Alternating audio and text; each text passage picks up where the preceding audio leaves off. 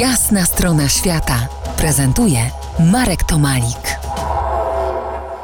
Gościem po jasnej stronie świata Krzysztof Trebunia-Tutka, architekt, muzyk i animator muzyki góralskiej.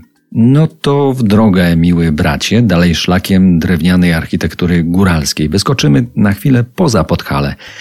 Gdzie nas tym razem zaprowadzisz, Krzysztofie? Moim ulubionym miejscem jest zarówno Spisz, jak i Orawa.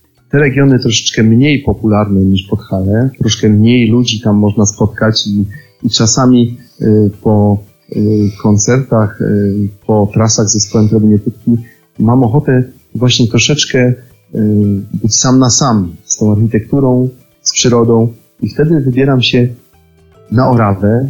Wiele jeszcze wspaniałych obiektów, między innymi majestatyczny drewniany kościół Orawce, muzeum, które można zobaczyć w środku. Niezwykłe obiekty, y, malarstwo, przeróżne zabytki, y, o których długo by tu opowiadać. Y, oczywiście skansen z ulicy Górnej, który pokazuje przeróżne odmiany budownictwa orawskiego.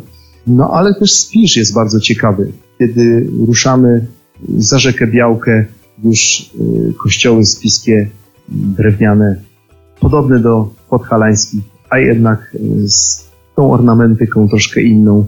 I z jednej strony widzimy tą wspólnotę w kulturze, w kulturze całych Karpat, bo przecież e, patrząc na te spiskie drewniane kościoły, czy te kościoły właśnie na szlaku architektury gotyckiej, e, Grywał, Harklowa, Dębno, widzimy, że one są jakoś dziwnie podobne do tych znakomitych świątyń w Siedmiogrodzie albo przypomina nam się Maramuresz, albo jeszcze jakieś inne regiony karpackie, y, a równocześnie każdy ma tą swoją odmienność regionalną.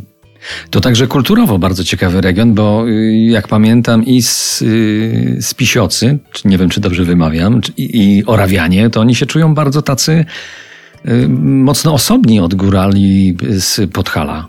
Tak, z jednej strony troszkę inna historia, bo te regiony na pograniczu, na szlakach y, handlowych, na szlaku węgierskim, y, powodowały, że osadnictwo zarówno od strony Węgier przez królów węgierskich prowadzone, jak i przez królów polskich było dosyć w różnych okresach intensywne i czasami nasi władcy zapominali o tych ziemiach. To były te kresy południowe, o które nie zawsze umieliśmy dobrze zadbać, ale musimy się cieszyć z tego, co jest. Mniej więcej jedna trzecia tych regionów jest po naszej stronie, a w tej chwili myślę, że e, mamy wyjątkową, wyjątkowy czas w historii, kiedy te regiony tak naprawdę już nie są podzielone, bo nie ma granicy.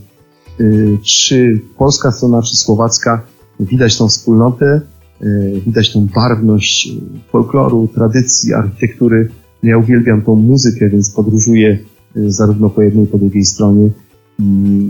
No zawsze przywożę stamtąd jakieś nowe nutki, które z przyjemnością grywam. Za kilkanaście minut porozmawiamy o pracy architekta.